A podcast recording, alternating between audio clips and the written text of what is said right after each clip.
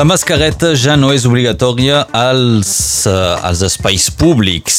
Això sí, hi ha algunes excepcions i us les comentem en aquest inici d'informatiu. Dissabte va ser la Diada Nacional de Catalunya, un esdeveniment doncs, eh, destacat al país i aquí a Catalunya Nord va ser el dia abans, el dia 10, que es va fer un acte institucional de la Casa de la Generalitat a Prats de Molló i ara present Jordi Cuixart el sentirem en aquest informatiu.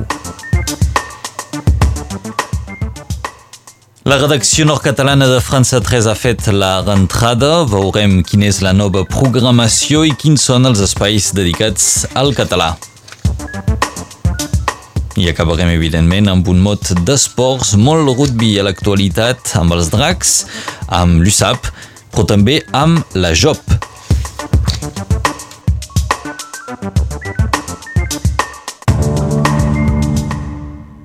La difusió del virus de la Covid-19 a Catalunya Nord està a la baixa. Aquest diumenge van passar sota la barra dels 100 casos per 100.000 habitants. Actualment tenim 112 persones hospitalitzades i 21 pacients en cures intensives. L'atenció hospitalària és avui d'un 66% i un nivell de vaccinació de 78,41%. A queixa millora de la situació sanitària ha portat el prefecte dels Pirineus Orientals a suspendre des d'aquest matí l'obligació de portar mascareta a l'espai públic. La mesura té qualque excepció. Encara és necessari portar mascareta a la sortida d'establiments escolars i de les llars d'infants. L'ús de la mascareta encara és obligatori a les estacions de transport públic o encara a les concentracions de persones, com ara les manifestacions. I aquesta setmana també anuncia l'obligació de vaccinació pel personal sanitari. A partir de dimecres, els treballadors del sector de la salut que no hagin rebut almenys una dosi del vaccí ja no podran treballar i, per tant, tampoc podran cobrar el sou. La mesura és força polèmica i ha rebut fortes crítiques dels sindicats del sector de la salut. Dissabte va ser la Diada Nacional de Catalunya. El dia abans la Casa de la Generalitat de Perpinyà va fer el seu acte institucional a Prats de Molló. A causa de la pluja, doncs es va haver de canviar eh, de, de lloc. Va ser el cinema del poble qui va rebre l'acte i no pas la Casa Macià com era previst inicialment. L'invitat especial per aquesta cita, aquesta, aquest acte institucional va ser el president d'Òmnium Jordi Cuixart, que ha passat quatre anys a la presó. Ara que els presos estan beneficiant d'un indult, recorda que aquest no és l'objectiu.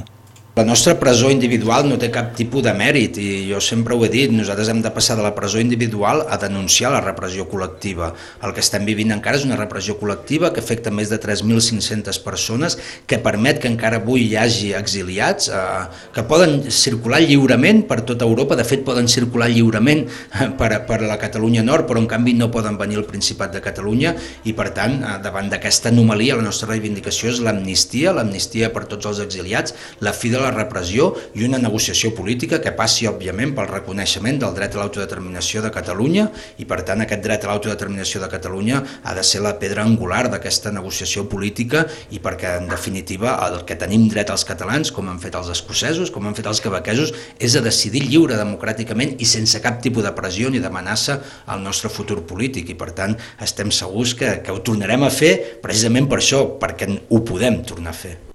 Eren paraules de Jordi Cuixart aquí a Catalunya Nord, a Prats de Molló, durant l'acte institucional de la Casa de la Generalitat a motiu de la Diada va ser doncs, el, el passat 10 de setembre. I avui a Catalunya Sud és dia de rentrada. Els centres escolars tornen a obrir després de les vacances d'estiu. Aquesta rentrada es fa amb les mateixes mesures sanitàries que ja eren vigents a Catalunya Sud durant l'any escolar passat. El Departament de Salut de la Generalitat calcula que dos terços dels alumnes de més de 12 anys comencen l'any amb una vaccina vaccinació completa. La redacció de França 3 País Català ha fet la rentrada en uns nous locals. Des del 1972, la televisió local estava en un edifici del barri del Molí de Vent a Perpinyà. Ara la redacció s'ha traslladat en uns nous locals moderns, més adequats, que se situen a la zona econòmica de Tecnosud 2, també a Perpinyà. La rentrada de França 3 País Català s'acompanya també d'una nova programació que dedicarà més espai d'antena a la llengua catalana, nos ho explica la periodista Celina Llambric. Pels programes en llengua catalana tornem amb el Notícies el dissabte a les set i quart al vespre, eh, la mateixa fórmula que ja teníem, set minuts d'informacions eh, locals de Catalunya Nord, i tornem també aquest diumenge 12 de setembre amb el, el programa Aquí Sem, eh, a la, al matí, Eh, doncs vet aquí, la cosa torna, però una petita novetat, tenim una nova finestra de 9 minuts la setmana, serà el dimecres al matí, eh, hi ha un nou espai dedicat a les llengües eh, regionals, per nosaltres serà l'oportunitat pel moment de redifusar la Quissent, que ja difusem el diumenge, però d'aquí poc no sabem el que se pot passar poder un nou programa, poder no pel moment, no, és la, el que és previst és la redifusió d'aquí sempre. Era la Celina Llambric, periodista de la redacció de França 3 País Català. Doncs del dilluns al divendres retrobareu l'informatiu local de França 3 en llengua francesa a les 6 i 50 de la tarda. El Telenotícies en català serà el dissabte a les 7 i quart de la tarda i cada diumenge al matí a les 10.40 tindreu cita amb la Quissem, el magazine de la redacció en català. La Setmana del Llibre en Català acaba de començar al Moll de la Fusta de Barcelona. Fins al 19 de setembre es presentaran fins a 270 novetats i es faran 256 actes de presentació i de taules rodones. Aquesta Setmana del Llibre en Català vindrà a ser un moment important pel sector després de mesos difícils durant la crisi sanitària. La campanya electoral per l'elecció presidencial a l'estat francès escalfa motors. Ahir es van declarar dues noves candidates a l'elecció. Una és Marine Le Pen per l'extrema dreta, així com la badiessa de París, Anne Hidalgo, que vol ser un punt d'unió de les esquerres i acaba de néixer un moviment d'autodeterminació a la Cornualla, un territori de l'extrem sud-oest de Gran Bretanya. El moviment Hollander One Banner es va presentar el maig passat i tenia previst estrenar-se públicament amb una manifestació aquest diumenge a favor de l'autodeterminació. La manifestació s'ha hagut d'ajornar a causa de l'increment de casos de Covid. Ha estat finalment convocada pel 9 d'octubre. El corrent principal del nacionalisme còrnic reclama la implementació d'un sistema sistema autonòmic per a Cornualla similar al d'Escòcia o de Gales. L'USAP ha sumat la primera victòria de la temporada després d'haver guanyat Biarritz per 33 a 20. Amb els 4 punts aconseguits dissabte, l'USAP se situa a la desena posició del campionat de top 14. I dissabte també jugaven els dracs catalans que van rebre el trofeu que premia el líder de la fase regular de la Superliga. Un equip dels dracs renovat afrontava Dersfield amb un match que va acabar amb el resultat de 18 a 30 a favor dels anglesos. Aquests dos partits els vau poder seguir directe aquí a Radio Arrels. I el jugador usapista Melvin Jaminet rebrà avui un Oscar atorgat pel diari Midi Olímpica que recompensa el paper de Jaminet en els èxits aconseguits per l'USAP durant la temporada passada. Jaminet rebrà el premi aquest vespre en una cerimònia al Palau dels Congressos de Perpinyà, en la qual també serà premiat el jove jugador de l'USAP Sacha Lotrian per l'Oscar Espoir de Midi Olímpica. Acabarem amb la polèmica a Prada després del partit entre la Joventut Olímpica Pradenca, la JOP i Gruissant. La JOP estava guanyant al moment en què l'àrbitre va xiular la fi del maig. Quan els pradencs ja donaven per fet la victòria i l'estaven celebrant, doncs l'àrbitre assistent va assenyalar una falta a favor de Gruissant i doncs eh, es va haver de reprendre el joc. Gruissant no va fallar aquest regal inesperat i va guanyar el partit per 15 a 17.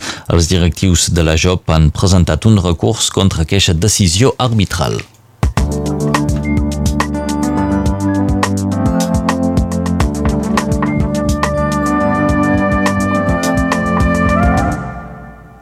Passem ara a la previsió del temps.